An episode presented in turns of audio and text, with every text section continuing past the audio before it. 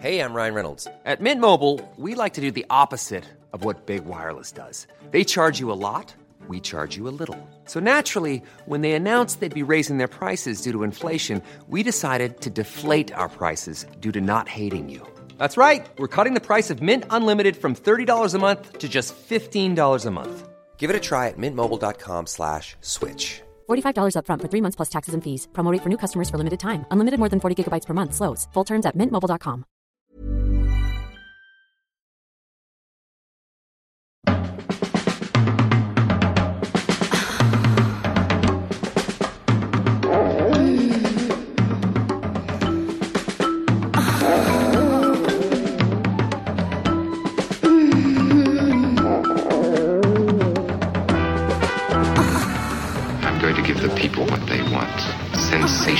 sensation.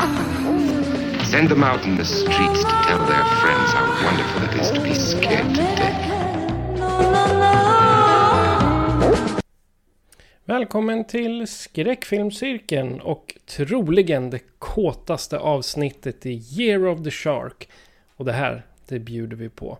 Hajar, kärlek och kåta vågor.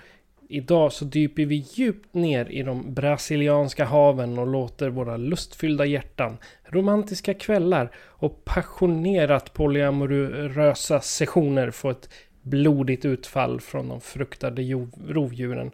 Deep down Idag så tar vi dig till en värld där hjärtan flätas samman mer än bara en gång med fler än en själ samtidigt. Vi har solbadare som simmar graciöst med lockar likt en scen från en schamporeklam. Så idag bjuder vi på ett erotiskt, erotiskt, akvatiskt akrobatik avsnitt kombinerat med ångande trekanter till farliga vatten. Luta er tillbaka, koppla av, öppna en öl och gör er redo för det hittills kåtaste avsnittet. Där vi måste fråga oss själva. Ska det vara full frontal nudity eller full frontal bloodity? Och innan vi börjar ordentligt idag vill jag att ni som är lite känsliga för diskussioner om sex och erotik ska stålsätta er och eh, sätta på bipet när våra diskussioner kan uppfattas som stötande. Ja du Fredrik, de kåta hajarna. Vad tycker du om det? Det var väl inte hajarna som var kåta i den här filmen utan det är ju alla människor runt omkring eh, som är kåta. En recension som jag läste eh, på engelska. Lite där jag eh, baserade introt på. Den eh, la fram det som att det var hajarna som var liksom på gång där och ville ha sitt. Men eh, jag håller med dig. Det var ju snarare de här eh, ja, brasilianarna och britten som var mera intresserade. När du, utav när du det. säger brasilianare så stämmer ju inte det för de är ju från Mexiko. Det är de. De mexikanska, inte brasilianerna. De mexikanska. Det är samma, samma del av, USA, av Amerika. Förvis, förvis. Ja, okej då, mexikanerna. Men och, och, oavsett vilket. Det är havets marodörer. Hur- Nu var det inte så länge sedan vi spelade in sist. Men för lyssnarna så är det två veckor sedan. Vad, hur tycker du det har varit sedan dess? Jo då, nu har det äntligen börjat regna här för det börjar bli olidligt varmt nu. Eh, Men ja, eh, det ska ju bli en sån här horribel sommar som 2018 har de ju sagt så suck. Ja, jo det, det känns... eh, Ja, nu har vi tur att det blir regn Mhm. idag. Eh, Men eh, jag tror att så mycket som man har svettats de här dagarna. Man tappar säkert ett par kilo i vikt bara liksom av allt svett. Fullt möjligt. Ja, nackdelen med att det inte kommer någon regn är att vi eh, pollenallergiker, vi får ett helsike. Jag har låtit som, ja, som om jag varit sjuk. Som, värre än som när jag hade co- covid. Har jag låtit den här veckan. Så vi får väl hoppas att folk hör vad vi, vad vi säger i alla fall. Ja, eh, vem var det som valde den här? Tigerhajarna. Det är ju fortsättning på eh, Hoffs vansinne här. Han valde ju skitfilmerna som vi såg förra gången. Men nu har han ju valt den här också eftersom att det här är ju fortsättningen på The Year of the Shark. Eh, så eh, han gillar skit och erotik den här gode Hoff verkar det som. ja, så vill ni ha en, en lista över erotiska filmer som innehåller skräpelement. Eh, varsågoda och så ringer ni honom på 070... Nej. Nåväl, men det, även om det bara har gått fem dagar sedan vi såg sist. Har du något intressant att berätta som du har tittat på? Jo då, jag har tittat lite. Eh, jag har tittat om eh, den här Jagad med Harrison Ford från 2003. Nej, eh, 1993. US Marshall var väl kanske 2003 som uppföljaren. Nej men ibland är det bara härligt att se en riktig kvalitets Hollywoodfilm. Eh, och där har du verkligen attention to detail. Det slår mig lite som att ja, men när lammen tystnar, det satte en viss ton ändå till stilen över hur man filmade fi i Hollywood där ett tag. Och det är en stil som jag tycker är trist att det, vi inte har så mycket mer av den. För det känns eh, som att de verkligen har ansträngt sig för att vara på riktiga platser. Eh, och skådespelet är superbt med Tommy Lee Jones och Harrison Ford där som är på jakt efter vem som har mördat hans fru, den här enarmade mannen som ingen tror på. Finns... Nej men ibland behöver man kvalitet. Efter, framförallt efter Sand Shark och Avalanche Shark så behövde man någonting trevligt. Uh, ja, eh, men jag har också sett saker av mindre kvalitet. Jag äntligen har jag sett den här, eller ja, äntligen inom situationstecken. Eh, det vart väl mest baserad den för att den hamnade så otroligt i ropet när den väl kom, eller framförallt innan den kom ens en gång. Och det är ju då Winnie, Winnie the Pooh, Blood and Honey. Eh, och eh, det är ju som så att boken om Nalle Puh och Christopher Robin och gänget. Det är väl eh, när den blir tillräckligt gammal så hamnar den i public domain. Eh, då är det liksom ingen som har äganderätt till den på det sättet. Eller det, det gör att man kan använda karaktärerna utan att eh, behöva ansöka om upphovsrättstillstånd eller några sådana saker. Och då var det någon driftig jävel från Storbritannien där då, som har gjort en massa lågbudget skräckisar som beslutade sig då för att göra eh, ja, typ skräckfilmsvariationen då eh, utav eh, ja, Sju mila skogen. Eh, och det vart ju en stor grej. Det var en jättesnackis innan där och liksom folk vart upprörda där liksom hur hur kan man ta det här kärleksfulla, vackra och förvrida det på något så förfärligt sätt. Eh, så det vart ju en snackis i sig. Eh, och så har det väl gått och blivit någon form av spin på det här. För nu har det ju kommit an, det ska ju komma Bambi skräckfilmsvariationer. Det ska komma eh, Eh, Peter Pan skräckfilmsvariationen. Det ska komma ja, flera sådana här public domain barnsagor. Framförallt det som Disney har eh, gjort adaptioner på liksom blir skräckfilm. Eh, så en, nu vart det till slut till att se den då, bara för att liksom se vad The Hubbub eh, var. Och jag ska villigt erkänna att de första fem minuterna utav Blood and Honey var genuint intressant. Eh, en mörk liksom spin på sagan där, liksom att twista till det på ett intressant sätt.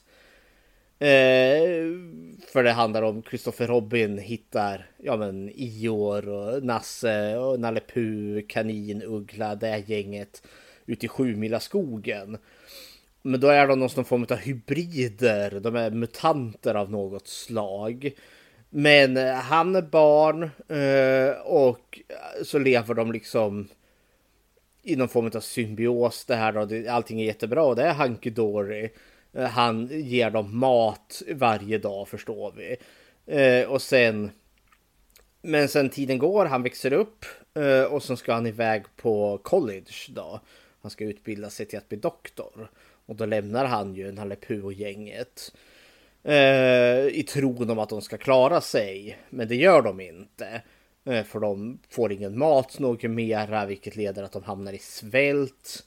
Och i det så, eh, ja de drabbas ju av desperation. Och det slutar då med att i det här desperata tillståndet de är i så dödar de och äter upp Ior. Eh, och den här, eh, ja, när de gör det så är de så förfärade och äcklade av eh, vad de tvingades göra. Så de väljer då att liksom bortse från sin mänskliga sida och bara anamma det här djuriska som finns hos dem. Eh, och får ett brinnande hat gentemot mänskligheten och Christopher Robin då framför allt. Och beslutar sig liksom för att eh, ja, men, hata mänskligheten. Det här är de här första fem minuterna som då också är animerat. Eh, ganska billig animation men effektfull eh, ändå. Och det är den här biten som är genuint intressant. För sen spolar vi fram tiden. Kristoffer Robin kommer tillbaka. Han är nu utbildad läkare och klar. Och så ska han presentera sin eh, blivande fru. Eh, för Nalle Puh och Nasse där. Eh, som han då tror ja, men eh, är som vanligt, men bara att upptäcka att det är de inte alls. De är ju, de är ju förvildade, vansinniga numera. För grejen är att det blir bara en väldigt träig slasherfilm med liksom, för det, det är Nalle Puh och Nasse som är hotet i, i den här filmen. Och det är i stort sett liksom två storväxta män, en med en grismask och en med en björnmask då. Och så klumpar de omkring och så slår de ihjäl folk ena efter den andra. Christopher Robin sätts ur spel ganska kvickt och hålls fången hos dem.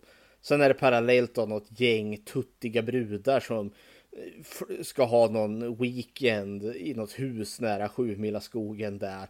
Och så blir de ståkade och mördade en efter en. Såklart. Så, eh, så liksom den här mörka sagan görs ingenting med. Utan det bara gör Nasse och Nalle Puh till slashermördare. Och den påminner mer i tonen som Motorsågsmassakern. Eh, men en ganska tattig och dålig sådan. Eh, handling, det fanns det ingenting av. Eh, en bra slasher har ändå så karaktärer Eh, eller liksom karaktärsdrag till dem. För de här kvinnorna som kommer ut, det är verkligen bara tuttlisor. Som, ja, de har boobs och så sitter de och typ fnittrar i bubbelpoolen. Som kompletta idioter. Eh, ignorerar hotet. Och så kommer hotet och slår ihjäl dem. En efter en. Det, är liksom, det finns halvvägs in i filmen kommer en av karaktärerna på. Nej men oj, jag har ju en pistol. Jaha, praktiskt nu när halva gänget har dött. Nu, nu, nu kommer vi på det. Och sen när de väl skaffar pistolen som då är liksom det är inte en liten jävla knallpuffrad utan det är något som Dirty Harry skulle bli glad över. Det är liksom ett eh, en jävla kanon. Eh, men istället för att liksom ja, nu kommer Nalle Puh klumpandes här då med släggan som är hans vapen då. Alltså skjut han! Rakt upp och ner, skjut fanskapet. Men nej, det gör vi inte. Istället liksom smyger vi omkring och beter oss. Och de gör inget kul heller liksom. Alltså, ham it up. Om, om det ska bli en slasherfilm då kanske liksom. Ja, Nalle Puh är ju honung. Kanske han kan använda honungskrukan, typ liksom stoppa honungskrukan över någons huvud och sen krossar han krukan liksom så att den exploderar tillsammans med huvudet eller något sånt där. Eh, man måste ham it up för att liksom premissen är ganska fånig om vi ska liksom istället för att ha den mörka sagan eh, Eh, så gör vi liksom en, en, en tramsig komedi. Men istället så kör den här, nej det, är en stenseriös film. Eh, som försöker liksom vara scary och eh, moody. Men den klarar ju inte av det. Och de har också valt att Nasse och den Puh inte pratar. Och det är nog anledningen att de kan inte få maskerna att röra sig. Så därför liksom då komma runt det att, att ja. För den har jättelåg budget den här. Jag tror den har typ 100 000 eh, pund i budget. Men det hade man ju kunnat löst kanske så att ja, men Nalle Puh står i mörkret och pratar. Eh, eller liksom vi filmar han bakifrån när han väl pratar så vi inte behöver se munrörelserna. Eh, för liksom nej, Nalle Puh och Nasse, de, de, de, är liksom, man skulle kunna byta ut dem mot vilken generisk slasher som helst. Och själva slasher-biten är helt okej okay ändå. Eh, som slasher-entusiast jag är.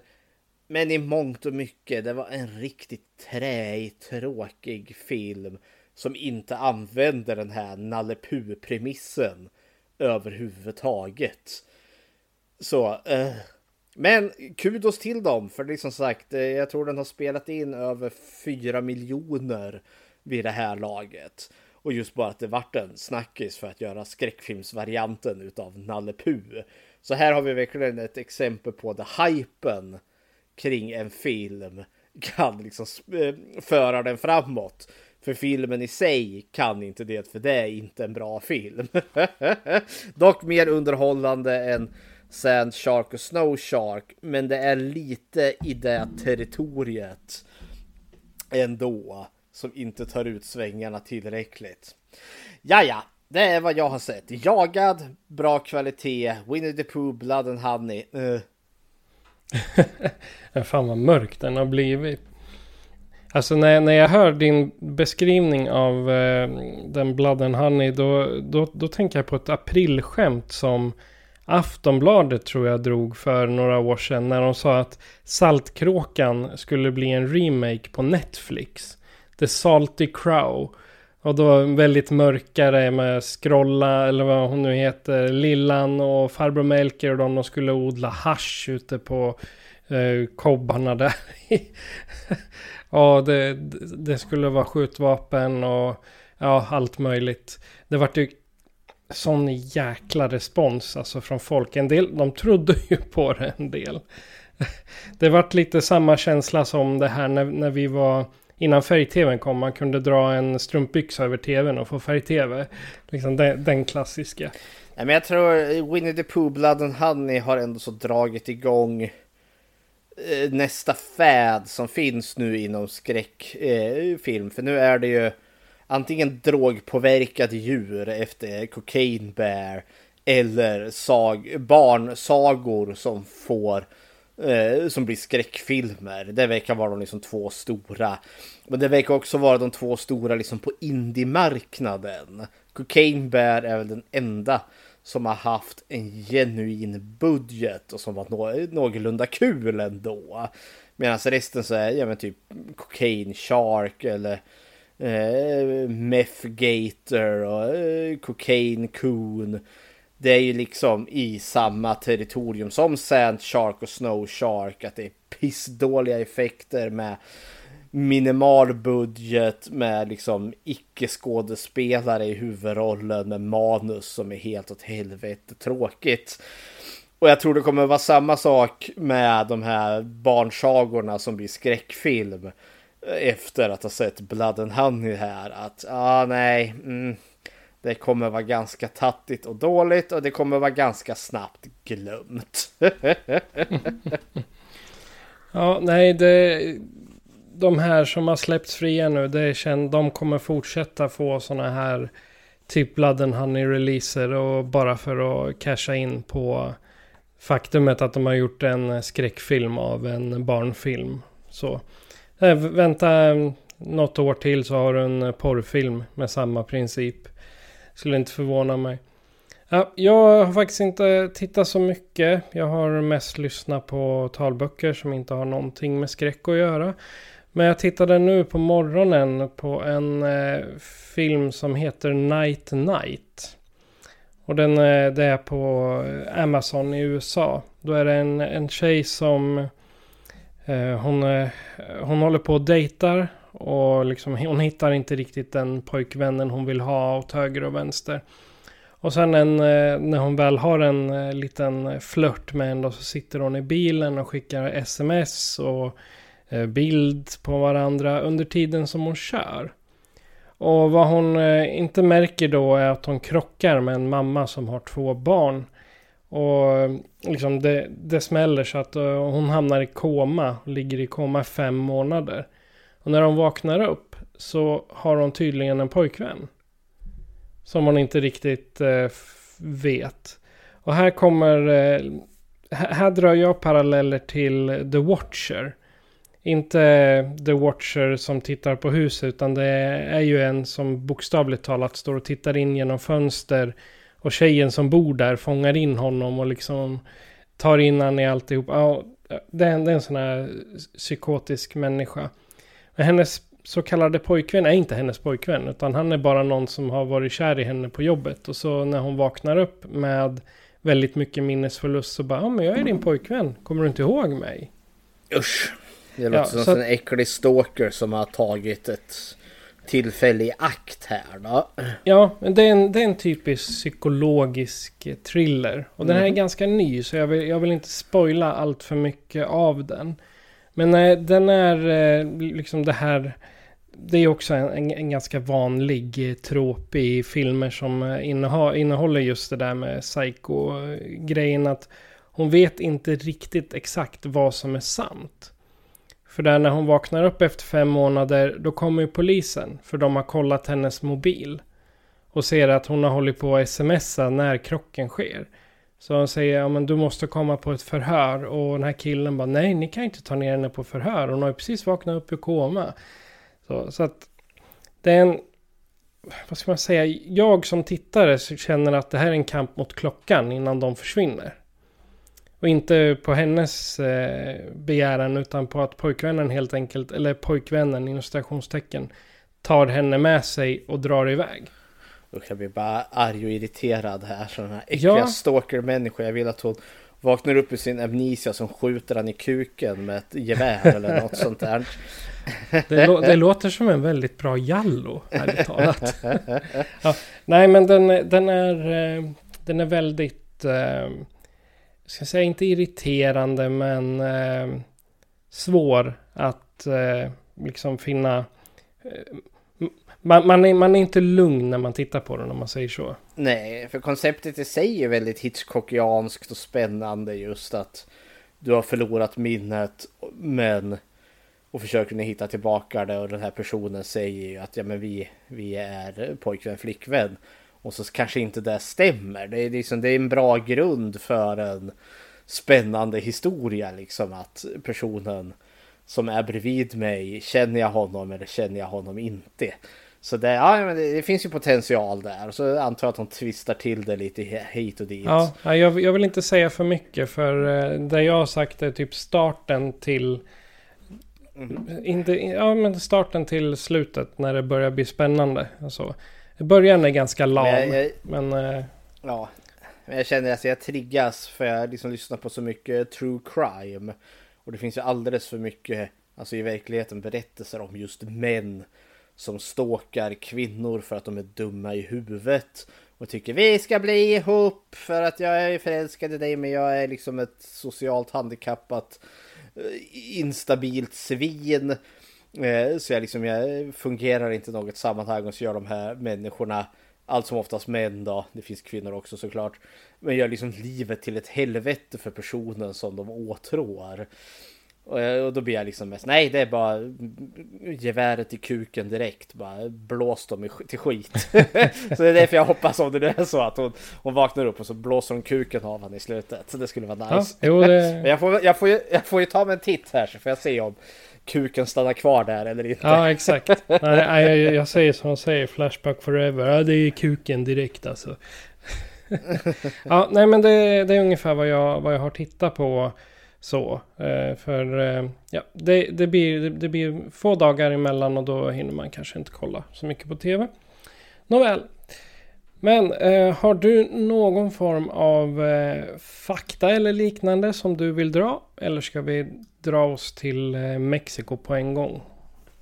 Nej, alltså det enda vi kan väl nämna lite kort är väl då Ja men dels har vi ju nämnt här att eh, det här är ju, vi är ju The Year of the Shark och det är den gode Kristoffer Hoff här från podden som fruktade solnedgången som har valt den här filmen åt oss. Eh, och det är ju en 70-talsfilm, eller 77 är den ju. Och det är en riktig sån här sex exploitation film. Och den är ju då regisserad av René Cardona Jr. Eh, som då är väl lite Mexikos eh, Roger Corman ungefär. Eh, som har gjort en hel uppsjö eh, ganska lustiga filmer. Eh, mycket western, mycket komedier, mycket skräckfilm. Eh, mycket liksom slis och naket.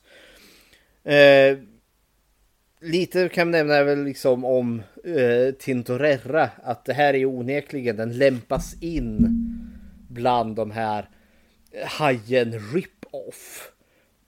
Men jag, och jag förstår varför.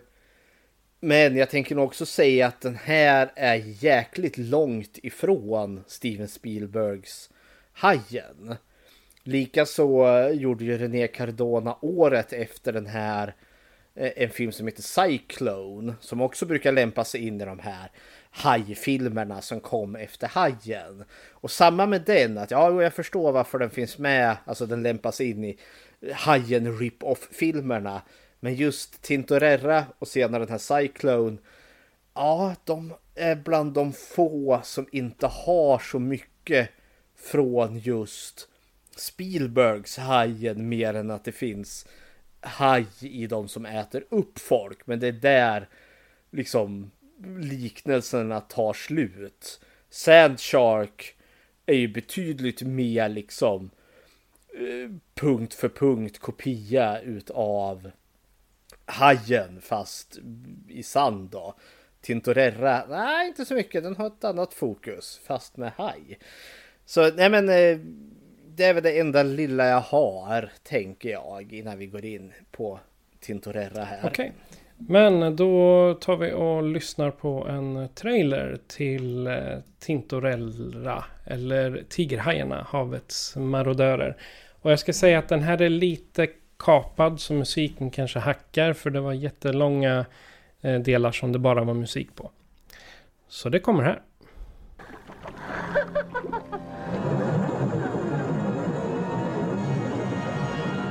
savage story of a monster tiger shark, Tintorera, that terrorized the tropical paradise they called the Island of Women.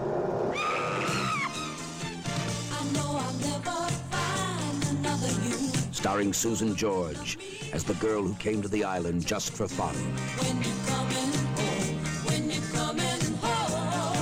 Hugo Stiglitz as a rich young man in search of romance and adventure. Andreas Garcia as Miguel, the penniless Casanova of the coast that every woman adored. Fiona Lewis in The Perfect Island for a holiday romance. You know, this place really is made for lovers. But the Tintorera changed everything.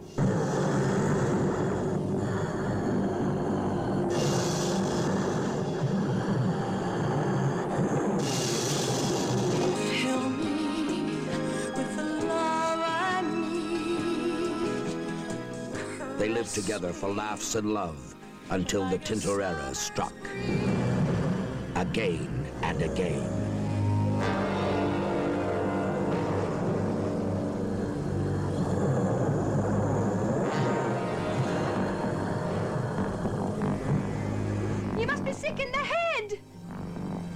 It's my turn. You're absolutely crazy!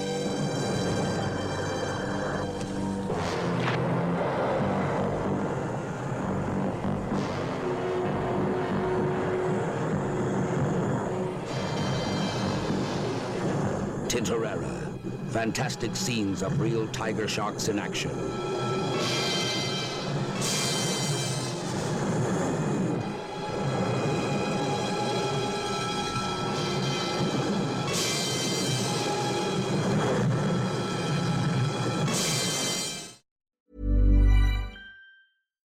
Hey, I'm Ryan Reynolds. At Mint Mobile, we like to do the opposite of what Big Wireless does. They charge you a lot, we charge you a little. So naturally, when they announced they'd be raising their prices due to inflation, we decided to deflate our prices due to not hating you.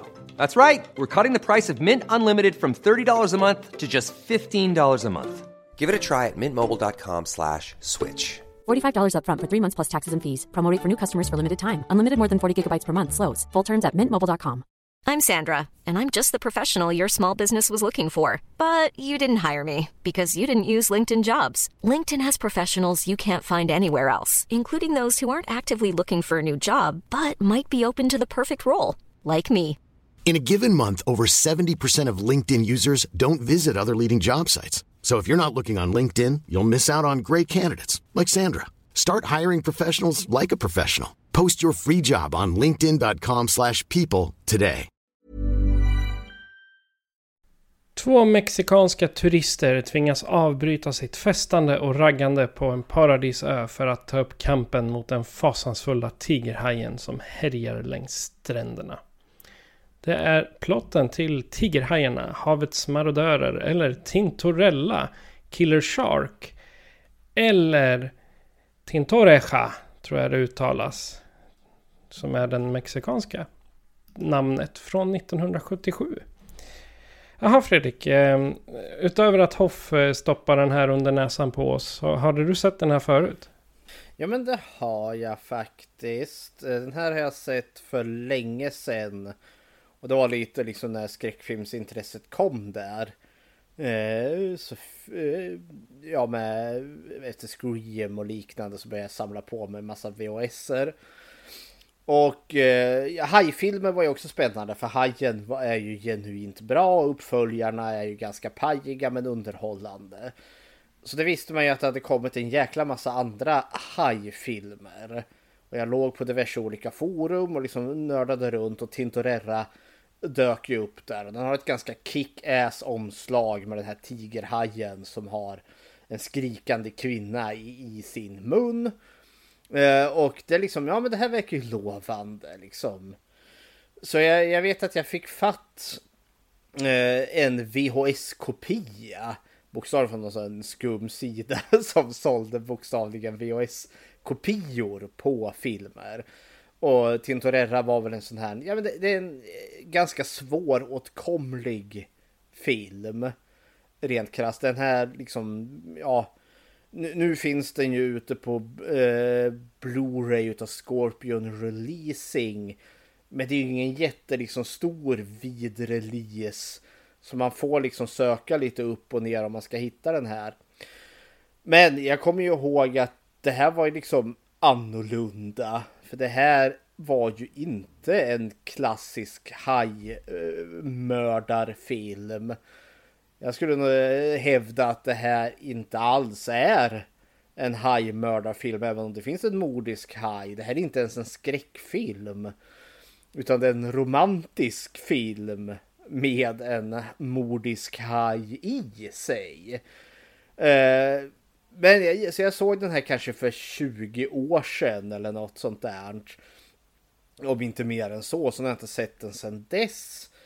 Men jag varit lite exalterad när Hoff valde den här, för jag kände att ah, den där kom jag ju ändå så ihåg på något sätt. Och att den stack ut. Eh, Så jag var liksom exalterad att faktiskt se om den här och jag är glad att ha sett om den. För det här, ja som sagt, det är inte en skräckfilm. Det är inte en mordisk hajfilm, även om vi har en mordisk haj. Det är sin egna speciella bäst det här till film. Precis som den som vi inleder Year of the Shark med Open Water som också är en sån speciell hajfilm som inte riktigt bockar av de här klassiska hajmonsterfilmerna som majoriteten gör. Så skulle jag säga att Tintorera är samma sak. Men sen finns det mycket med den som är intressant. Det finns mycket med den här som är problematiskt. Men jag ser fram emot att prata lite om den här filmen. För den här har substans att prata om. Kontra Sand Shark och Snow Shark. men som sagt, jag har sett den förut. Eh, men det var jättelänge sedan. Men den gjorde något form av intryck. Så hepp hepp. Patrik, har du sett den här förr eller är det premiär nu? Eh, jag hade faktiskt inte sett eh, den här överhuvudtaget. Jag visste inte ens vem eh, regissören var. För jag hade aldrig hört René Cardona. Jag var liksom instängd på svenska och amerikanska filmer. Det har ju blivit nu de senaste ja, tio, tio åren som skräckfilmscirkeln har hållit på. Eh, som jag har börjat se typ eh, europeiska och lite mera med iranska filmer. Jag har sett hinduiska, eh, inte hinduiska, indiska filmer har man också sett. Så att man breddar sitt skräck, eh, skräckfält så att säga. Så att just den här, en, en hajfilm framförallt var inte riktigt på, i min smak. Och sen, jag tror att när den här kom så fanns den nog inte textad heller. Utan det är säkert något några amatörer har gjort på senare år. Och sen att kanske man har fått lite hjälp av eh, YouTubes AI och eh, översättare. översätta det. Ja, nej, men jag hade all, aldrig sett den här förut och jag har också en del att säga om den. Mm -hmm. Det som vi kan tala är redan om då eh, vad heter det, utgåvorna som finns av den här. För den här filmen är, det är en mexikansk film då som sagt gjort av René Cardona Jr. Eh, som har då skrivit och regisserat den här då baserad på en redan existerande bok som ska finnas. Eh, grejen är att den här ska i sitt original vara nästan två och en halv timme långt om jag har förstått det rätt. Eh, men Mexikos egna censur eh, klippte ner den här filmen rejält. Eh, dels för att eh, de har ganska, eller hade åtminstone, eller kanske fortfarande har det, jag ska inte ta gift på det, men ganska hårda censurlagar när det kommer till just nakenhet eh, och att porträttera sexualitet på film. Vilket är majoriteten av vad den här filmen består i. Så då klipptes den ju sönder och samman. Eh, sen skulle den ju få liksom en vidare internationell release. Eh, så när den skulle liksom komma till Amerika så beslutade de sig att det här, vi kan inte ha en film på det här sättet, en sån här lång film. Utan den måste klippas ner Eh, Eh, till ungefär en timme och 20 minuter. Så då var det jättemycket som klipptes bort. Eh, dels också för att tempot i den här filmen är jättemärkligt. Vi har liksom inte en klassisk treaktstruktur egentligen i den här filmen. Utan majoriteten är ju liksom folk, ja, vi har den här trekanten som håller på att stånka sig igenom filmen. Och så eh, närmare slutet kommer ju tigerhajen börja ställa till det. Men eh, så då klipptes ju den om och, liksom, och marknadsförs ju som en skräckfilm. Som vi hörde trailern där. Så jag kan då tänka mig att folk var bra förvirrade när man väl såg den. För vi är liksom eh, en mordisk tigerhaj som terroriserar stränderna Nej, det lyser lite med sin frånvaro i den här filmen. Men istället en lite, ja, lite provocerande och tankeväckande film om ett polyamoröst förhållande mellan två män och en kvinna. Ja, då är den betydligt mer intressant. Det var inte vanligt på den tiden. Ja, men det är inte, det, ja nej, det kanske det inte är och det, jag skulle inte hävda heller att det är så vanligt nu heller. För i, i, filmens egen kontext så målar den ändå så upp det som någonting väldigt positivt. Konflikten ligger liksom inte i att ja, men det här liksom är ett dåligt förhållande, liksom att de lever i synd och vanmakt eller något sånt här, utan det är ju väldigt positivt. Sen kommer ju liksom uppstår konflikten när ena parten blir uppäten av hajen där närmare filmens slut. Men tills dess har det liksom varit ett, liksom en kavalkad av kel och klem och kläm på rumpor och guppandes upp och ner i sänghalmen där. Hej vad det har gått. Så ja, men eh, eh som sagt till klippningen utav den här. Den har ju senare då Scorpion Releasing bland annat det här bolaget har ju försökt sammanställt den här. Men grejen är ju den att eh, som vi såg ju den hela variationen som nu faktiskt finns och den har väl läckt ut på Youtube. Även om den på Youtube också har blivit lite saxad för allt för mycket naket får ju inte finnas på Youtube så den har liksom eh, mycket av tits and ass har försvunnit. Men vi har ändå så fått sett den mer liksom hela varianten av den här filmen. Och då är det ju blandat den engelska dubbningen, den som kom till Amerika. Eh, men också blandat då på mexikanskt originalspråk. Märkligt nog så gjorde det inte så mycket för mig. Alltså det, det gick att hänga med i handlingen i alla fall, även fast jag inte kan ett ord spanska. Så, men ja, hepp eller hepp. Så att folk är förberedda när man går in i den här filmen. Att eh, dels är den svår att få tag i. Men sen är det en jävla clusterfuck. Eh, till vilken variation man nu än får tag i. Så hej hopp gummisnopp. vad det här är en annorlunda, alltså en film, en intressant eh, post-release. Jo, tack. Dock så har den ju blivit lite av en sån små kultus och det är en riktig så här, grindhouse. Eller grindhouse är fel. Det här är en riktig exploitation, 70-tals exploitation film. Sex exploitation då för att uh, vara exakt. Men som inte är mörk och cynisk som de brukar vara där det är mycket våldtäkt, lack och läder, smisk och skrikande kvinnor som blir våldtagna men så tycker de ju om att bli våldtagna så blir de liksom sexslavar. Liksom det så verkligen inte slisiga.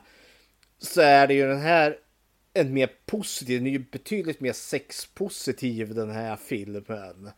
Eh, och ändå som målar upp de här relationerna som någonting vackert och fint. Om de nu gör det. Ja men det tycker jag. Jag ser liksom inget att det här målas i negativ färg. Det negativa är ju att en blir uppäten utav en haj. Ja. Där. Då liksom spricker ju relationen.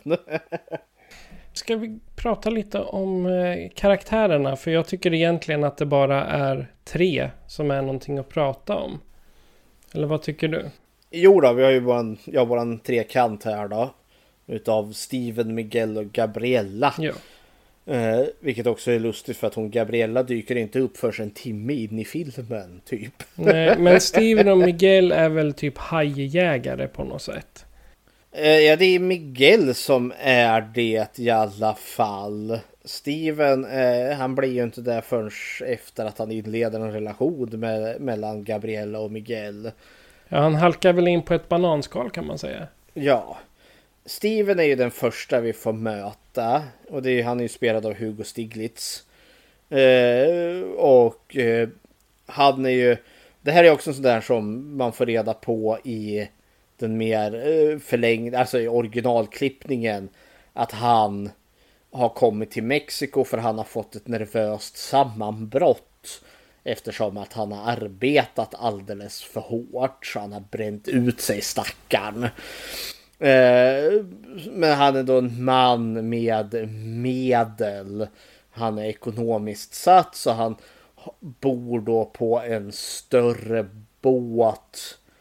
Eh, där vid Cancuns eh, hamn. Eh, eller vi, och ska då liksom återhämta sig med lite R&R, vila sig i solen. Men sen är han ju lite av en playboy också så han kan ju inte riktigt låta bli de vackra kvinnorna som finns där. Samtidigt, Hugo Stiglitz, ja.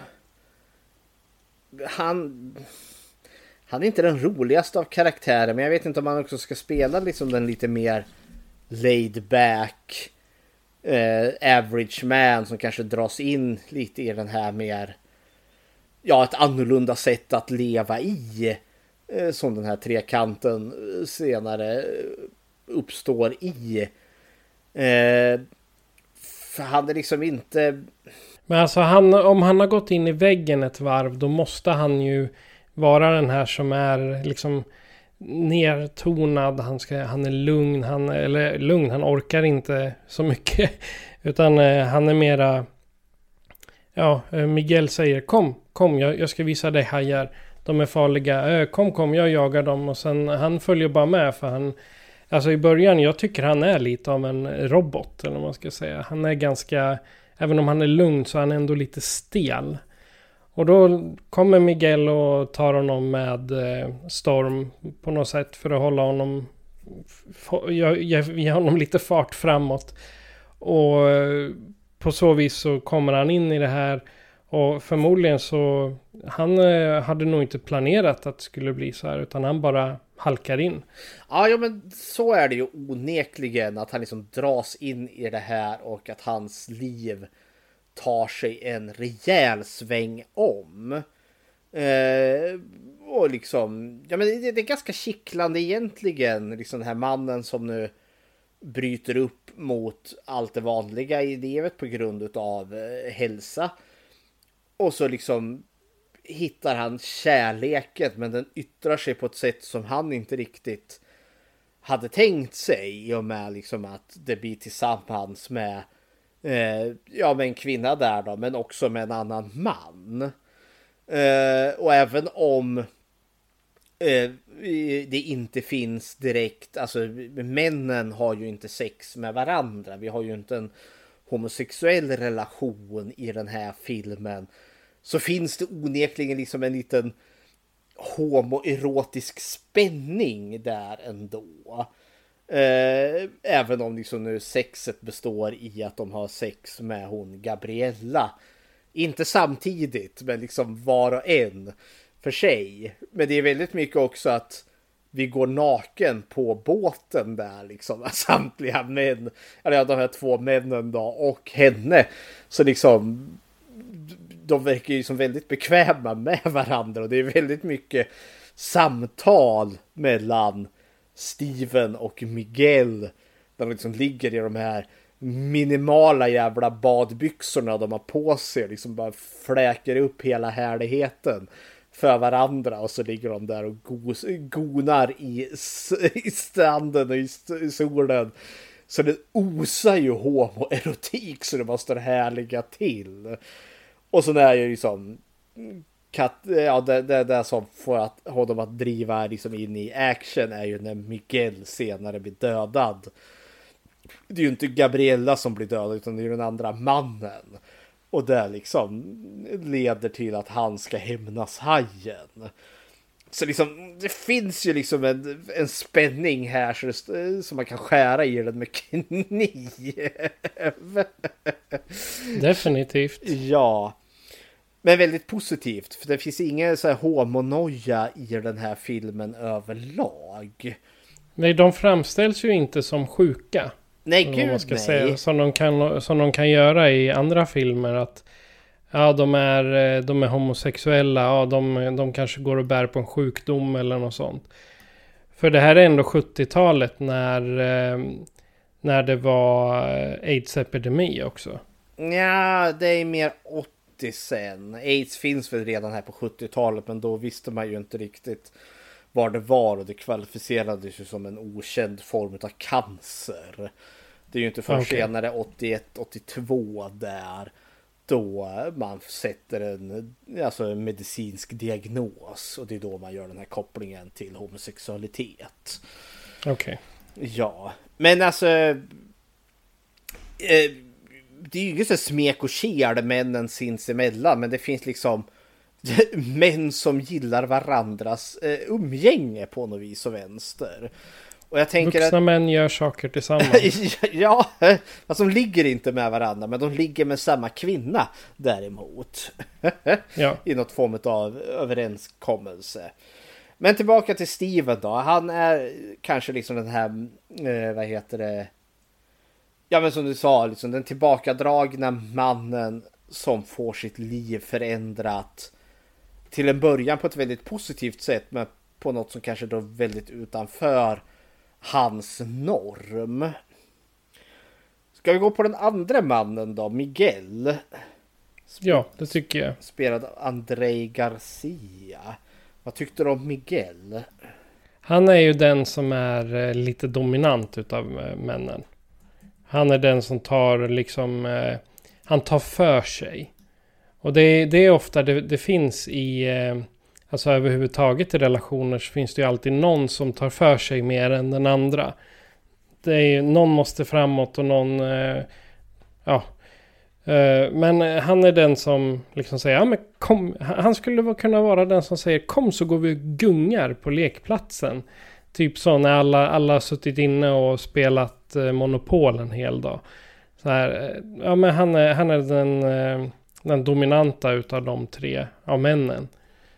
Då, då kommer han. Och medan Steven är mera okej. Okay.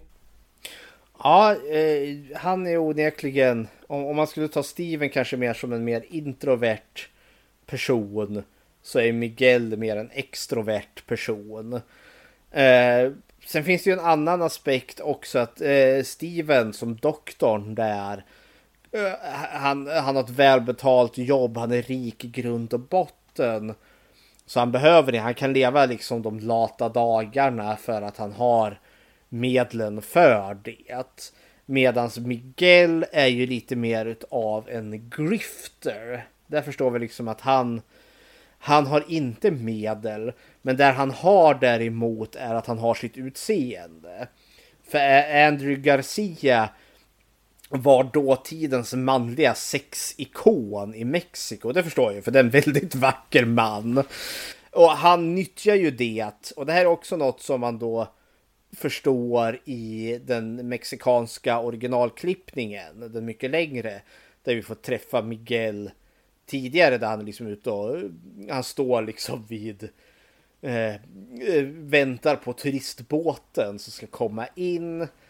Och så liksom honar han in på de amerikanska paren, synnerligen om frun i huset har liksom en trött tjock gubbe till make så sveper ju han liksom upp till henne där liksom. Oh, ska jag ta ditt eh, bagage här? Oh, liksom nu råkar jag tappa din solhatt. Mm, och flört, flört, flört, flink, flink. Och så har han ju den här minimala jävla badbyxorna på sig som inte lämnar mycket till fantasin. Så han, han, han har ju, han livnär ju sig på att förföra rika amerikanska eh, turister. Eh, så att de liksom får sig en spännande flört när de är ute och semestrar där på Cancun. Och det är mycket så här klättra upp för eh, spaljen upp på balkongen där. Då, så liksom blir det en romp i sängen där sen. Och sen Uh, han är ju så otrolig älskare så kvinnorna där vill ju alltid liksom ge han någonting efteråt och så tar han ju deras pengar. och det är så han livnär sig på. På, sitt, på sin charm eh, och sitt eh, goda utseende. Så tekniskt sett så eh, beter han sig som en prostituerad? Ja, i stort sett. Eh, det är bara det att det finns ingen överenskommelse innan sexakten. Utan det är ju snarare som att han, han ger de här kvinnorna en så bra stund. Att de liksom vill ge honom saker och ting. Eh, de kan lika gärna också, för han, han tigger aldrig pengar. Men alltså samtidigt är han ju också, vi, vi, det finns ju lite fler kvinnor. Vi har ju de här Cynthia och Kelly. Eh, som också är några sådana här amerikanska backpack-turister. De verkar ju inte ha några pengar alls. Utan de är ju liksom, ja men fattiga turister. Men de är han ju och raggar på också. Så jag tror liksom att han har, det här är en man som gillar att leva livets goda. Som för honom kanske då består i att gå lite från säng till säng och sen liksom han, han går lite dit vinden tar honom. Jag börjar fundera liksom, har den här mannen ens ett hem? Finns det en lägenhet han har? Eller är han liksom en riktig så drifter så att liksom han sover på sandstranden egentligen. Och sen liksom de tillfälliga boenden han får är de här tillfälliga eh, connections han har. Eventuellt några nätter på något hotellrum eller något. Vad tolkar du? Jag vet inte ärligt talat. Han är ju väldigt lätt sen att flytta in på Stevens segelbåt där när de väl liksom sen blir den här trekanten. Eh, liksom, för han liksom verkar inte ha något annat hem att återvända till så att säga. Liksom som att han har där han kan låsa sin dörr där hans permanenta säng står. Jag tror inte det, utan jag tror han är liksom en liten solovårare som driver omkring. Det kan ju vara att han inte, att han inte behöver det helt enkelt. Nej, och inte riktigt har den lusten heller. Han är inte en sån som bosätter sig. Utan han far runt. Eh, och lever vad han tycker är livets goda. Eh, och det blir väl också en grej, för det blir ju en förändring här sen då när den här eh, ja, polyamorösa förhållandet uppstår. Det är ju då saker och ting kanske stabiliserar och han liksom för första gången eller på väldigt länge här nu då bosätter sig någonstans. För Stevens segelbåt blir ju liksom hans hem tillsammans med, med, med Steven och Gabriella där. Eh, så hepp. Jag sa vi nu, Gabriella, vad, har vi, vad tycker vi om henne då? Den oh. kärlek, kärleken som kommer in drygt en timme in i, i, I filmen. Ja, våran engelska, våran brittiska turist. Hon är ju den som är den drivande i att få den här eh, alltså relationen med de här eh, med, med Steven och Miguel. För innan där så har väl de kanske mer haft som någon form av för de börjar ju egentligen som kärleksrivaler. För ja. det finns en kvinna som heter Patricia. Eh, och som de båda håller på och limmar på och det blir lite gruft om sinsemellan. Men sen liksom begraver de stridsyxan och så blir de liksom vänner och då är det mer liksom som att vi går på puben tillsammans och sen raggar vi upp brudar eh, för tillfälliga ligg. Och sen kommer Gabriella och stabiliserar på något vis och vänster. Ja, hon säger rakt ut att de vill ha båda två. Ja, hon gör ju det. Uh, och det blir ju till, och de båda liksom går med på det. Hon är liksom någon form av... Eh, om de båda liksom lever lite kringflackande liv, Steve för att han är på den här återhämtningen men vill ändå så leva lite playboy, Miguel som den här mannen som går från säng till säng. Så dyker Gabriella upp som någon form av ett ankare. Hon är den som slår ner bopålarna. Eh, och gör att, ja men, de finner någon form av harmoni här. De, eh, vad heter det, de gifter ju sig med varandra indirekt, alltså det är ju ingen sån formell, utan de gifter sig med varandra genom att hon har med sig tre ringar här. Och eh, ja, så liksom där på båten så erkänner de liksom ett äktenskap för varandra där. Typ ett inofficiellt ja. På deras villkor då. På deras villkor. Det är ju till och med planer att skaffa, vad heter det, barn till och med pratar hon ju om. Hon vill hon vill, fostra, hon vill få ett barn tillsammans med dem som ska fostras utav henne och deras två fäder, barnets två fäder där då. Jag kan tänka mig nu 70-talet och Mexiko, för det är, de är ändå relativt konservativa där. Och få med en sån här på film liksom. ja men där har katolska kyrkan sina eh, klor ganska hårt nedsatt i folksjälen där. Eh, så på det sättet sticker ju den här filmen ut. För det är också så här, det är positivt. Filmen målar inte upp det här som att det är exploitativt, eller ja, det är exploitativt, det är jävla mycket naket i den. Men deras, alltså, männen håller inte på att utnyttja henne, hon håller inte på att utnyttja männen. Utan det är verkligen en kärleksrelation som har uppstått. Hon är, ingen, hon, hon är inte där för att vara golddigger utan det är, alltså det går ju att vara flera i en relation, det finns det.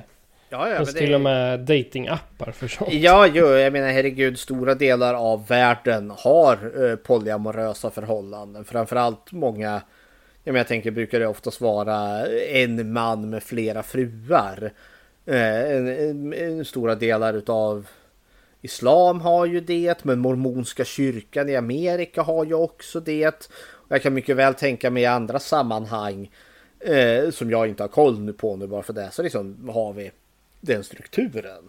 Och jag tänker också, det skvallrar lite om ja, men vad för relationer människor ändå så kan ha inofficiellt så att säga. För de väljer ju sig att gifta sig på eget behåg, på egna premisser. Det här är ju ingenting som staten hade godkänt. Det är ju inte av statligt godkänt äktenskap det här. Men jag tycker det är lite spännande ändå, liksom. Människans liksom, vilja till relation och samhörighet. Ja, det, det, är väldigt vackert. Jag tycker det här är vackert. Och det brister ju. Eh, det brister ju när Miguel dör. Eh, och det är anledningen till varför den här relationen kraschar. För Gabriella eh, tar ju sitt pick och pack och sticker då och Steve blir kvar i någon form och liksom vibrerar i någon form av hämndlystnad. För att ge igen på hajjäveln som dödade Miguel. Det är ju det som spräcker relationen. Och det är inte då att liksom att relationen är sjuklig att den är dålig på något vis och vänster. Eh, som då en, en annan film kanske skulle kunna gjort för att liksom visa på att ja men det här polyamorösa förhållandet är dåligt. Kärnfamilj, värderingen ligger i att vi ska vara två personer. Så därför kan aldrig gå med tre personer. För det är liksom, kan jag säga, den vanligaste eh, vad heter det, vägen en sån här film skulle ta. Men det gör inte den här filmen. Utan de skulle leva lyckliga alla sina dagar och få barn tillsammans. Om inte hajjäveln hade dykt upp där och ätit upp Miguel. Eh, då hade de liksom haft sin eh, ja, trekant där på båten. och levt lyckliga alla sina dagar. Och det tänker jag ge filmen kudos till. Mm. Där stack René Cardona Junior ut hakan. ja, men det är, väl, det är väl bra att även om filmen är smått problematisk som, eh, som vi ska komma till sen. Mm. Så är den ju faktiskt nytänkande. Ja, trots allt. just den här aspekten tänker jag inte. Alltså, det, det, vi kommer komma till det som är problematiskt med den här filmen. Men den här kärleksrelationen är inte det problematiska. Inte enligt mitt tycke i alla fall. Nej, nej, nej, det, det har inte med det att göra. Utan jag, men, jag, jag syftar på annat. Ja. Eh, det enda vi ska nämna, för det, det, det är verkligen de här tre huvudpersonerna vi har och som filmen kretsar kring. Vi har ju lite, eh, jag vill bara snabbt nämna hon Patricia. Eh, den första kvinnan som Miguel och Steven har en flört med. Och det är ju genom henne som, först är det ju Steven som har flört med henne. Eh, och sen blir det Miguel som har flört med henne. Och det är ju genom henne som Steven och Miguel träffas. det enda jag kan ge, för, för det är hon, eh, vad heter hon nu, Fiona någonting någonting. Hon fick lite senare en karriär i alla fall. Men grejen, för jag kan inte låta bli att tycka att det är lite kul för hon är den första och båda liksom är intresserade av henne. Och hon blir också den första att falla offer för hajen. För efter att hon haft sex med Miguel där så studsar hon ut eh, tidigt på morgonen. Eh, spritt språngandes naken. Man får se allting där. Hej vad det går. Eh, Medan Miguel ligger då och sover. Också spritt språngandes naken och vi får se allting där också. Men hon hoppar ju i havet för att fräscha upp sig och då kommer hajen där. Nam, nam, nam, nam, nam och äter upp henne. Uh, en ganska grotesk scen, för hajattackerna på människor är ganska groteska i den här filmen. Ja, definitivt. Uh, men det som jag tycker är så fascinerande är liksom att ja, men Miguel, ja, men han, hittar, han ser ju inte henne uh, och vet ju inte att hon har blivit uppäten. Så han säger, ja men hon har väl försvunnit då. Och Steven liksom, ja hon har väl åkt hem. Och sen glömmer filmen bara bort henne. liksom hennes död. Och ingen vet att hon har blivit äten. Vi får ingen som frågar efter vad tog Patricia vägen? Vi får ingen liksom. Hon, liksom, hon knullade de här två männen. Sen vart hon uppäten och sen glömdes hon bort och ingen frågade efter henne sen dess. Jag finner det lite skrattretande men, och lite makabert. Ja, en, en, en, liten segway in då kanske. Vi ska väl ta platsen först innan vi går in på hotet. Och det är när vi kanske tar hotet som vi kan ta det problematiska i den här filmen också. Men ja. vi har ju ändå så de här andra Cynthia och Kelly. De amerikanska turisterna. Som här också då i den mexikanska originalklippningen. Vi får lite mer eh, alltså subtext till de här. För de eh, liftar ju sig ner. Och de liftar med en lastbil som kör apelsiner om jag tolkar det rätt. Ja du, jag fattade inte riktigt vad han körde. Det kändes som han körde lite allt möjligt. Ja men någon form av frukt för de sitter och skalar de där, eh, vad heter det, frukterna sen. För han är ju lite, för det är ju två män där som plockar upp dem. Eh, och han som kör då, en liten medelålders småtjock man. Han är ju lite äcklig. För där smyger ju handen ner på låret. Eh, och det är det som resulterar i att ja, men de, de har inte intresse och i slutändan så väljer de att lägga sig på lasten där då, på, eh, på eh, vad heter det, frukten där istället för att sitta i. Och här får vi då kanske första det som är problematiskt med den här filmen för han och hans kompis där de sitter äh, snygga brudar, vi vill ju. Och då säger han någonting så här att ja men vi ska ge dem något att minnas.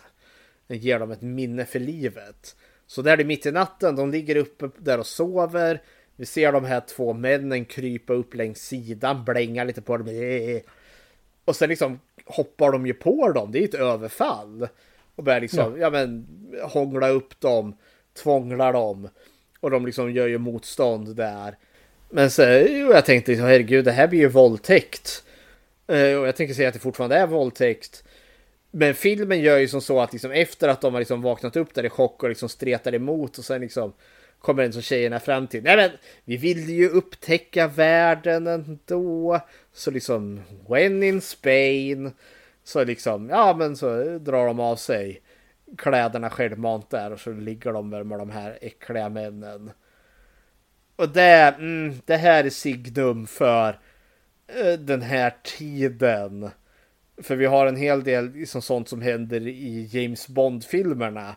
Säg Goldfinger ja. när Sean Connery där brottar ner hon. Och nu kommer jag bara ihåg vad karaktären heter. Pussy Galore. I, men inte vad skådespelerskan heter. Men där har du ju samma sak. Liksom, han tvingar sig på henne. Hon gör motstånd.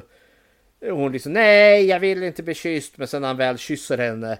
Alltså tvingar sig ner på henne då vill hon ju det. Oh, hon liksom kommer ju över liksom av extas och lustan.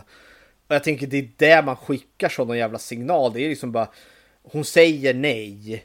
Men om jag bara liksom tvingar mig på, ja då kommer hon säga ja i slutändan. För det är det hon egentligen vill. Precis. Och det tänker jag, mm, det, det här finns oroväckande i många så att säga 70 och 80-talsfilmer där samtycke inte är så, eller väldigt skev syn på samtycke. Eh, som då liksom... Det var, då var det liksom, det, det är inte så noga. Ja men det, det, det finns en anledning till varför metoo behövdes. För ja. jag tänker det är en hel jävla generation har ju ändå så vuxit upp liksom, nu tänker jag inte säga att filmerna här liksom är orsaken till det, men det liksom, det är ändå en del i att normalisera eh, liksom sexuella övergrepp när liksom filmen inte ens problematiserar det, utan det är liksom mer romantiskt. För musiken som man spelar där när de där liksom lastbilschaufförerna hoppar på de här tjejerna det är ju liksom lite whimsical och liksom lite rolig. Liksom, Medan Anna liksom, medan jag sitter där och bara känner ah, det här är en våldtäkt. Varför? och grejen också att när jag var ung, alltså jag har ju sett exempelvis Goldfinger som ung.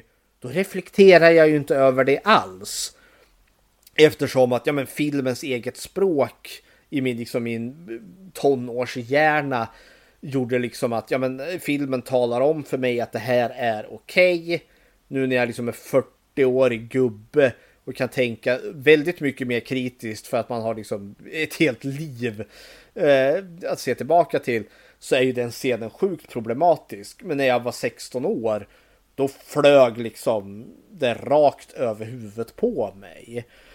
Precis. Och det där, mm, det här är en av de aspekterna som är knöligt med Tintorera. ja, men eh, de här brudarna återkommer ju sen för de hoppar ju med något annat knarkgäng på stranden ja. där sen. Men sen, och de verkar liksom leva livets glada dagar. Eh, tills en av dem blir uppäten av en haj där. ja, och sen försvinner de ur handlingen. Jajamensan. Okej, okay, eh, hur tycker du själva om, området? Jag skulle säga majoriteten spelas väl på hans båt. Kan man väl säga. Ja, ja men vi har, ja, vi har ju en båt, men vi har ju den här, vi är ju Cancun. Vi är ja, ju en tropical exakt. setting. Alltså vi är i en medel, eller inte medelhavs, alltså en, en tropisk eh, klimat här. Med liksom vackra blåa stränder. Eller blåa hav, vita stränder, det är palmer. Det är ju mycket liksom hänga på barer och dricka exotiska drinkar. Eh, det är just därför de kan gå omkring näck hela tiden. För det är så pass varmt. Dels det, alltså den här filmen målar ju upp paradiset ungefär. Liksom här lever man liksom, det är varmt, det är gott, det är bra musik, du kan vandra naken i andra människors sällskap och ingen, vad heter det, eh, skammar dig för det. Eh, och du har sex lite när som helst verkar det som. Här. Liksom, den, den målar ju upp någon bild av att vi, vi befinner oss i något form av paradis ändå. Ett tropiskt paradis fullt utav eh, sex och dans och god mat och dryck. är vad den här filmen ger sken av. Ja. Och det är vackert. Jo det är det. Alltså problemet med större delen av den här filmen är ganska mörk. Alltså dels bildkvaliteten och sen är det ofta det på kvällarna det utspelar sig. Så man ser liksom inte, ja, utöver de här stora panoramabilderna båtarna kommer så ser man inte så mycket mer. Nej förvisso. Eh, och det är liksom, ja ljussättningen är väl lite begränsad utifrån sin egen tids eh, ja, filmutrustning och teknik. Men sen också i och med att de bokstavligen är på en strand. En äkta strand och inte i en filmstudio så har de väl eh, och att det är en liten, det här är väl inte en film med den största av budget heller så är ljussättningen inte den bästa. Men de anstränger sig ändå så att få det här eh, otroligt romantiska skimret för det är mycket så här tiki torches satta i sandstranden. De dricker eh, någon form av tequila ur de här stora snäckskalen. Eh, det är mycket liksom blommor i håret. Det är liksom ja, mycket tuttar framme också. det är väl klart. Ja. Nej men liksom vi befinner oss onekligen liksom på eh, Cancuns eh, sandstrand. Men vi rör oss också liksom i någon form av Cancuns turistområde. Eh, Jag tänker när Miguel där i början håller på att raggar turister. Så det är mycket liksom ligga vid poolen också. Eh, så det är väl den settingen vi har. Och eh, visst, det är ju som sagt en hel del nattscener, men det är också ganska mycket mitt på dagen också. Där de simmar runt och ja, när de blir eh, hajjägare. Hajtakerade. Hajtakerade, ja men mm, nu ska vi se. Dåligt här, här, kan vi väl, här kan vi väl ändå så ta in det som är det största problemet. För det, jag skulle också vilja hävda att det är en del i settingen. När de väl blir hajjägare. För det är ju en hel del liksom filma under vatten när de jagar eh, haj då.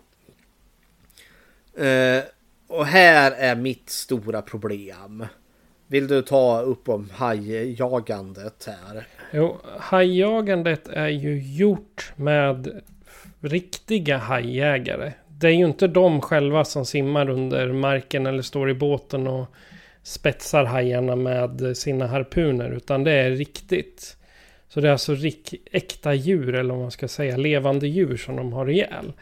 Och det är inte så att de har ihjäl dem eh, pang ett eh, skott genom ögat så han dör sen. Utan de bankar ju ihjäl hajar. Och det är ju, alltså på den tiden var det fullt normalt. Det, det var så man gjorde. Men problemet är för oss nu i en modern tid att så där gör man inte. Det handlar ju om, alltså om djur. Det är ju, men vi har en helt annan djurhållning när det gäller film i, nu för tiden. Och djuren vi har, de är ju tränade för film. Jo, eh, och det är ju inte här. Det här är ju vilda djur som de tar livet av. Och det Exakt. är ju just det. Visst, jag är ju inte naiv på det sättet. Liksom, folk jagar med harpun för att äta såklart. Eh, och första vi får se är ju då inte en haj utan de harpunerar en barracuda. Eh, och då var jag ändå så liksom lite in på det här att okej. Okay, det är ändå så ja, i filmens egen kontext. De ska liksom. De ska väl äta barracudan tänkte jag. Men det är också det här liksom. Vi får ändå se de skjuter den här liksom harpunen liksom som spetsar barracudan i, i, i midjan där. Och så har vi ju liksom dess dödskamp så att säga. Men sen blir det ju det här hajjagandet och det är ju dels dels fiska upp dem och sen bankar dem i huvudet med en knölpåk så de dör. Eh, och det var väl kanske det minst problematiska tyckte jag. Eh, för det som jag upplevde var, eller fortfarande problematiskt, men det som jag upplevde var hemskare var ju att de har ju någon form av... Det är ju inte ett harpun utan det är ju mer som en sprängpatron. Som sitter längst ute på något form av eh, sprö eller vad det är som man då trycker till mot eh, huvudet eller vart du nu skjuter hajen på så avlossar den ett skott. Kanske lite så som man slaktar kor med, liksom en slaktmask där, bom.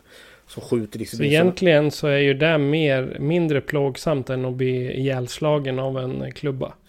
Ja, fast grejen är ju den att man ser ju hur de simmar ner och så skjuter de hajen.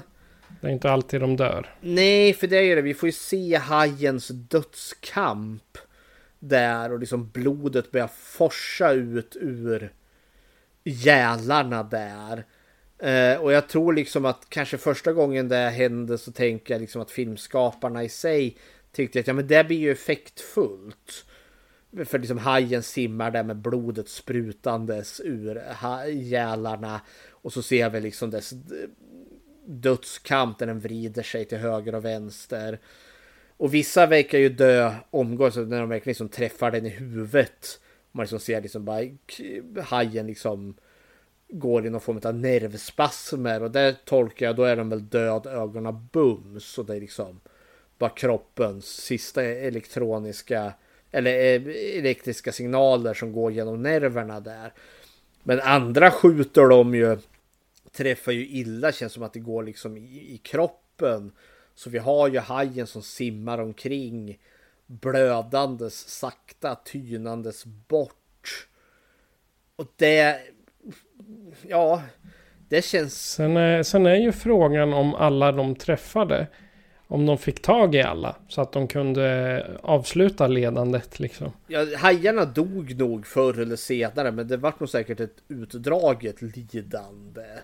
Ja, exakt. Och filmens egen kontext så känns det ju lite som, jag visst de kanske säljer de här hajarna, men filmen känns ju lite som att de gör ju det här för att ja men Steve behöver ju inte för han är rik i grund och botten. Miguel har väl kanske behövt back in the days eh, för att liksom dryga ut ekonomin. Han kan liksom inte alltid knulla rika turister. Utan ja men kanske eh, filmen det fyller inte riktigt en funktion mer än att det pad ut filmtiden och det känns som att filmskaparna tycker att det här är lite romantiskt och häftigt på något vis och vänster. Att de här männen är nere och dödar hajar. Medan jag finner det bara djupt jävla problematiskt. De dödar ju en rocka sen också som också bara känns. Vad fan är det här till för? Simma först liksom en sån stor eh, fin rocka som man först liksom rider på ryggen på genom att ta tag i sidan, liksom i inandningshålen på den där. Liksom, man ser hur det stressade djuret liksom simmar vidare. Och sen skjuter man den i huvudet och så ser man den liksom seglar till backen och blod strömmar ut ur gälar och mun. Äh,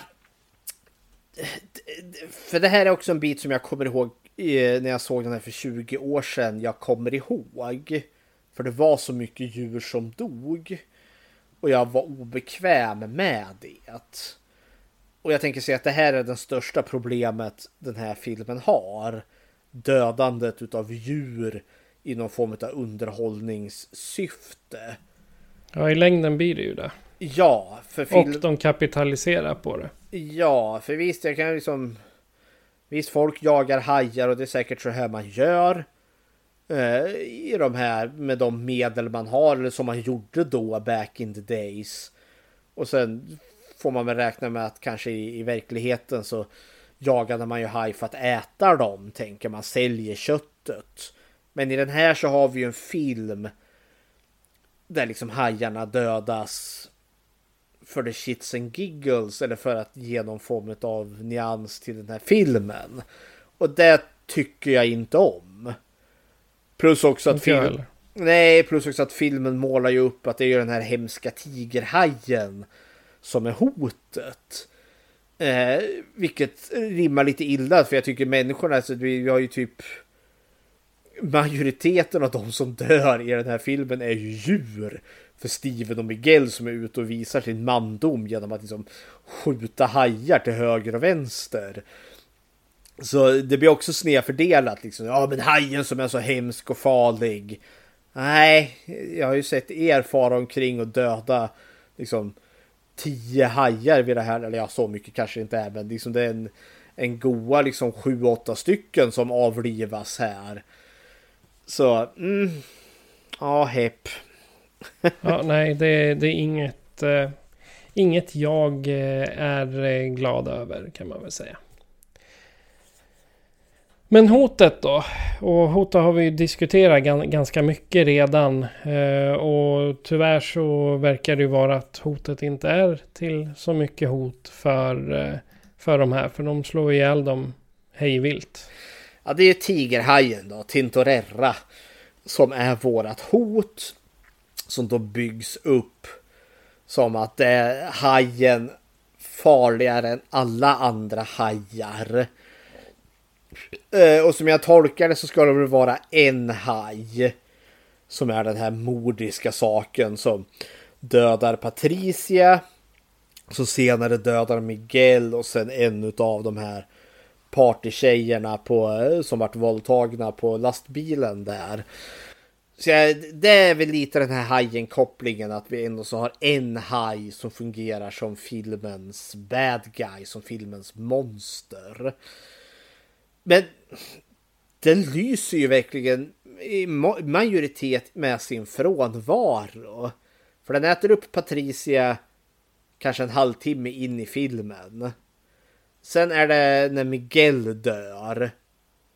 Då är det kanske 20 minuter kvar av filmen.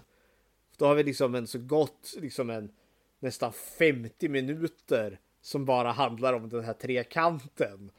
Eh, mellan Steve, Miguel och Gabriella. Eh, så eh, det här är en märklig hajfilm på det sättet liksom att hajen är ju inte med överhuvudtaget. Men hajattackerna som ändå så är på människorna är bra jävla spektakulära. Och jag tror som de har gjort, om jag lyckas förstått det rätt, så är det ju en riktig haj. Men den är död. Alltså det är en riktig tigerhaj som de har som är död, men som är spänd på linor. Så att de liksom kunde dra i den med fisketråd för att få den att komma. Och det är lite spektakulärt ändå. För det, det är ju verkligen en riktig haj. Det är ju inte Bruce eh, från Jaws. Vilket känns lite läskigt ibland. Eh, kus, man får lite kusliga bilder. Och sen har de väl filmat ihop det på så sätt att vi har också levande hajar som äter ett byte då. Som man har klätt upp. Alltså ett köttstycke som man har då satt en dykardräkt på. Och så har vi hajen som sliter den i bitar. Och så är den väl knökfull med teaterblod. Så vattnet blir rött. Så de få hajattacker vi har är ganska effektfulla ändå och jävligt groteska. Men jag känner ju fan, alltså jag har ju sympati för det här Tintorera Haj-monstret. Jag känner aldrig liksom att det här är eh, monstret som hotar samhället. Utan den kan väl lika gärna få fortsätta. För människorna är ju dumma i huvudet och dödar hajar på löpande band. Exakt. Payback's a bitch, eller vad man säger. Payback's a bitch. Men sen är det ju också en mycket mer intim berättelse. Det är ju inte som att Cancun är håll, är hållen i skräck för den här tigerhajens terroriserande. Utan det är ju snarare liksom att den dödar Miguel så att det på så sätt spräcker den här eh, romansen. Eh, så är det ju här en mycket mer intim hotberättelse. Det är inte Bruce som hotar hela Amityville. Utan det är ju liksom snarare som att det är en hämndberättelse. Eh, där Steven ska då hämnas. Att eh, hajen har dödat eh, Miguel. Och drivit Gabriella ifrån honom. Så Exakt. hepp hepp. Men det, det, förstår inte jag riktigt. Varför eh, var hon tvungen att dra när eh, Miguel dog? Jag tolkar det som att ja, men, det, det är en förlust för stor. Så hon, ja. Det finns liksom, den här relationen krävde att det är de tre. När en av dem försvinner finns det ingenting kvar. Eh, så hon väljer då liksom i sorg att eh, lämna Steven. Eh, så tolkar jag det. Men om vi på något sätt här då ska ta någon form av slutord. Innan vi tar slutordet här så tänker jag.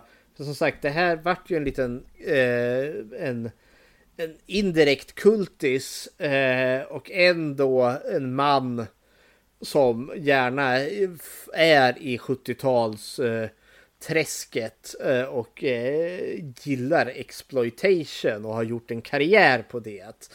Det är ju då Quentin Tarantino. Och han har då presenterat, eh, vad heter det, eh, Tintorera här på någon filmvisning. Som då eh, filmades där och lades upp på Youtube. Och jag tyckte det kunde vara kul att lyssna på. Själva yes. klippet i sig är ungefär tre, tre minuter. Tre minuter och 20 sekunder ungefär. Och det ska höras till att först är det Tarantino som talar och sen är det någon översättare som översätter det han säger på spanska. Så det, det, drar ut lite på tiden. Men jag tänkte vi kan lyssna på Tarantino här. Uh, this is, a, this is another film of my uh, uh, Mexican exploitation movies that I have in my collection. Esta es otra película de mis películas mexicanas que yo tengo en mi colección. And part of the fun of it was uh, uh, bringing these films here so you could actually see uh, the American versions of them. So you could see what we saw in America when we watched them. Y parte de la diversión de haberles traído estas películas en particular es para que ustedes puedan ver la versión que a nosotros nos mostraron de estas películas en los Estados Unidos, tal como nosotros las vimos allá.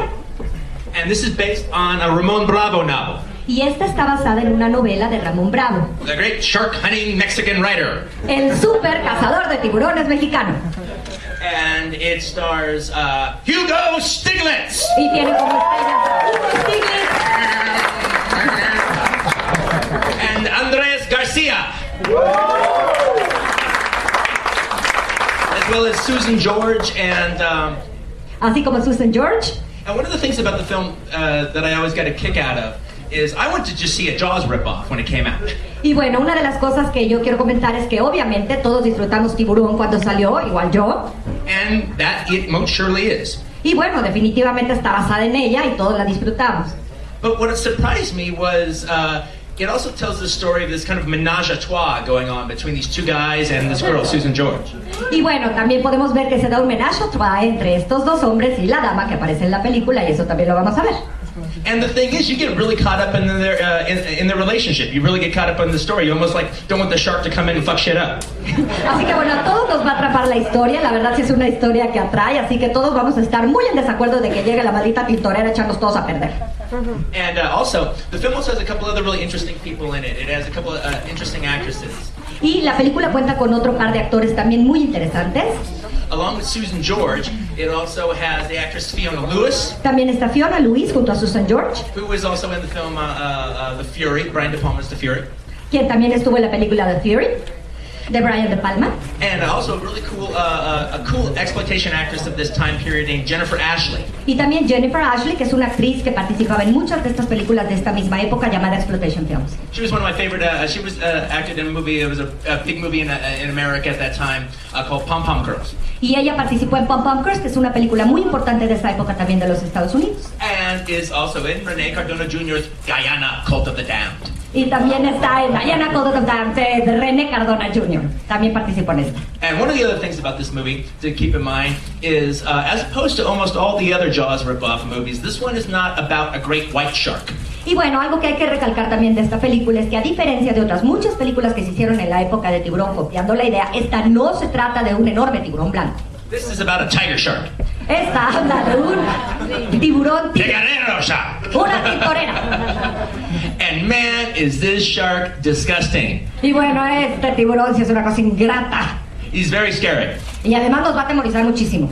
So, without any further ado, Así que sin más preámbulos, Rene Cardona Jr.'s T-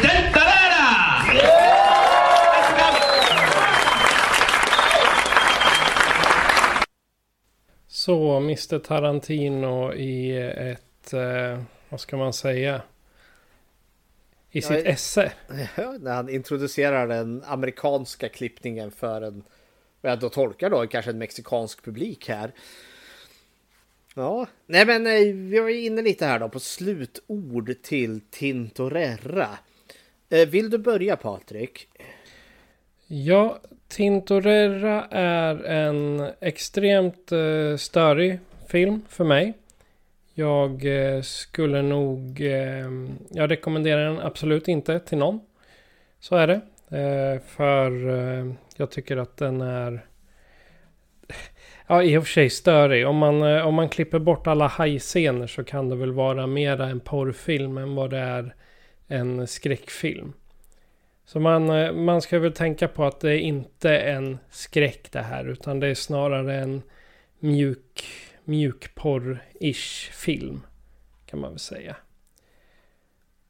Och ja, nej det är nog där jag vill, eh, vill, vill komma till att det här är snarare det är snarare en mjukporr än vad det är gällande skräck. Så att eh, förvänta dig inte hajar mer än att de slås ihjäl för att de är riktiga. Utan förvänta dig mera boobs, butts and dicks. Typ. Och så, eh, ja, så blir det. Och betyg då på en skala mellan 1 till 5?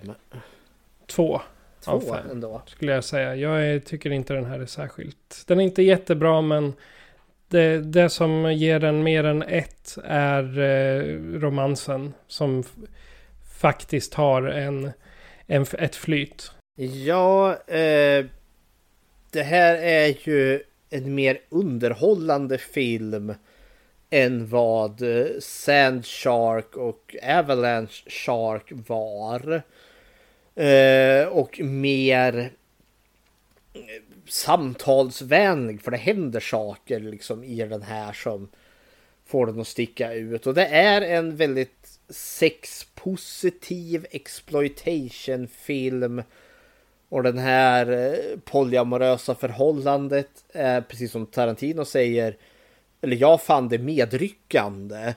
Eh, men det här är ju inte en hajfilm på det sättet den finns ju till tack vare att Hajen kom och vart populär.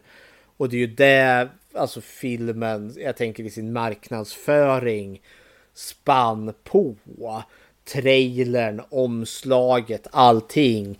Men det här är ju inte en skräckfilm. Det här är inte en mordisk hajfilm. Utan det är en romantisk film med en mordisk haj i.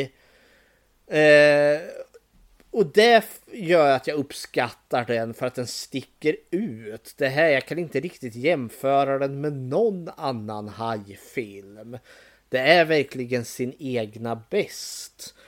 Och den här liksom, det här romantiska förhållandet som uppstår mellan Steven Miguel och Gabriella är för mig genuint medryckande.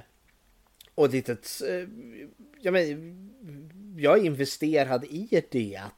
Och jag gillar den här liksom väldigt positiva bilden som målas upp över ett ganska queer egentligen förhållande. Och queer, då menar jag kanske liksom inte...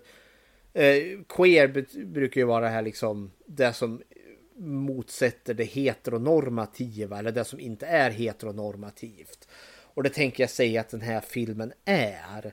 Men också att den bara vältrar i att vara liksom romantisk. Den sexualiserar både män som kvinnor. Men så kommer de här hajarna som dödas. Och jag lider med det, ska jag villigt erkänna. För jag tycker inte om att se hajarnas dödskamp. Nu är inte Tintorera den värsta utav filmer när det kommer till att döda djur på film. Italien med sina kannibalfilmer kommer att gå långt mycket värre eh, sen på ett sätt som jag jag kan inte försvara det på något sätt och det kan man väl kanske inte riktigt med Tintorera heller. Eh, jag kommer ändå så ge den här eh, en tre av fem. Eh, dock med brasklappen med det här att eh, de autentiska eh, dödsscenerna på, eh, på djuren är jobbiga och magstarka. Men det är den här romantiska subplotten som är intressant. Eh, men det är inte en skräckfilm på långa vägar. Eh, men ibland är det kul att se en sån här udda independent film som inte riktigt liksom följer mallen överhuvudtaget. Men mm, det är mitt slut. Alltså jag, är fort, jag gillar den här bättre än Sand Shark och Snow Shark för att den har mer till sig som pockar på mitt intresse än Sand och, Sand och Snow Shark som bara är en jävla slog och bårfest. Så hepp. Jag tackar, jag tackar ändå så Hoff att ni har fått sett om den här. Men jag vet fortfarande inte riktigt till vem den här filmen är riktad till. För det är ju inte hardcore skräckfilmsfansen. Det är ju inte riktigt den romantiska, den som älskar romantiska filmer jag vet inte riktigt var publiken finns för den här filmen. Men ja, den lämpar sig alltså oftast in i, i hajskräck-territoriet. Men ja, ja. Det, det, var mina slutord och betyg till Tintorera. Okej. Okay. Har du gjort något Bechteltest? När vi ändå Jajamensan. Ja men det har jag. Eh, och det är ju då om kvinnlig representation på film. Och vi för ju tesen att skräckfilm är det som klarar det här bäst kontra alla andra genrefilm. Och än så länge så går det ganska bra med den tesen. Det är typ 90 procent av alla skräckfilmer som sen vi började med Bechteltestet har ändå så klarat det. Men Tintorera då? Fråga nummer ett. Finns det två eller fler kvinnliga namngivna karaktärer? Ja, det gör det. Vi har ju Gabriella, sen har vi Patricia. Vi har också Cynthia och Kelly. Två, möter de någonsin varandra. Eh, Gabriella och Patricia eh, möter aldrig varandra och de möter heller inte Cynthia och Kelly. Men Cynthia och Kelly är ju det här paret, turistande paret som åker tillsammans. Så de möter ju varandra. Så, ja, fråga nummer två klarar den. Fråga nummer tre då. När de väl möter varandra pratar de då om någonting annat än män? Och då blir det ju Cynthia och Kelly här då. Eh, och ja, det gör de. I den här som blir våldtäkten sen på lastbilen så är de ju där och frågar, alltså lastbilschaufförerna om vad heter det, lift till Cancun. Sen sitter de ju och pratar sinsemellan varandra om vad de ska göra på Cancun. Och då är det ju liksom partypartaj. Eh, de ska eh, ligga på sandstranden, de ska dansa och ha sig. De ska leva the good old time. Indirekt är ju det införstått att de ska ligga med män, förvisso. Men de nämner inga män i konversationen. Så jag tänker liksom med minsta möjliga marginal tänker jag ändå så säga att de inte pratar om män. Och på det sättet klarar den även fråga nummer tre. Så Tintorera då klarar Bechteltestet.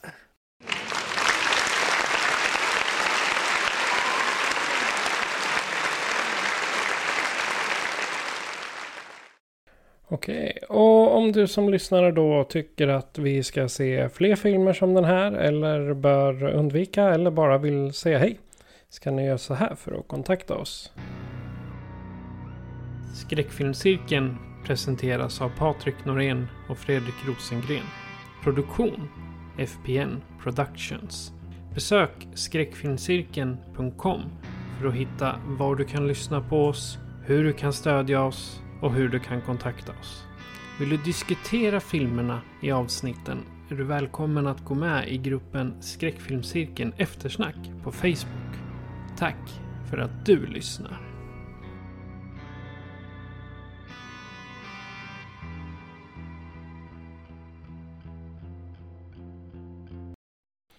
Och Fredrik, vad bjuder du på nästa gång?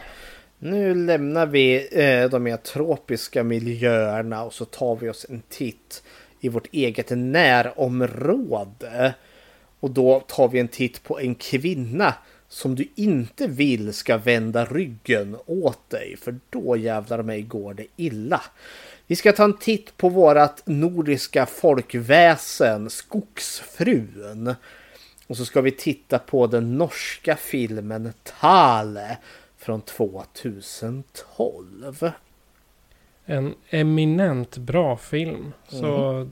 det om något är att rekommendera. Missa inte det. Mm.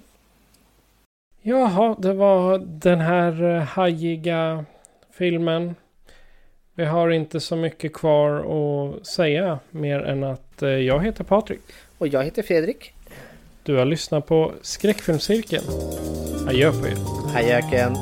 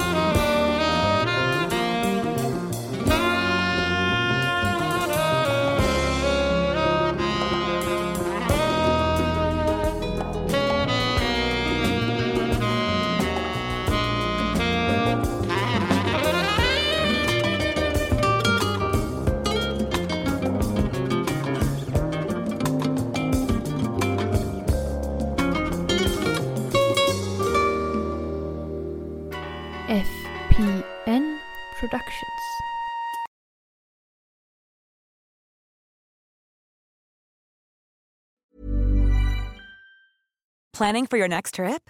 Elevate your travel style with Quince. Quince has all the jet setting essentials you'll want for your next getaway, like European linen, premium luggage options, buttery soft Italian leather bags, and so much more. And is all priced at 50 to 80% less than similar brands. Plus, Quince only works with factories that use safe and ethical manufacturing practices. Pack your bags with high-quality essentials you'll be wearing for vacations to come with Quince. Go to quince.com/pack for free shipping and 365-day returns.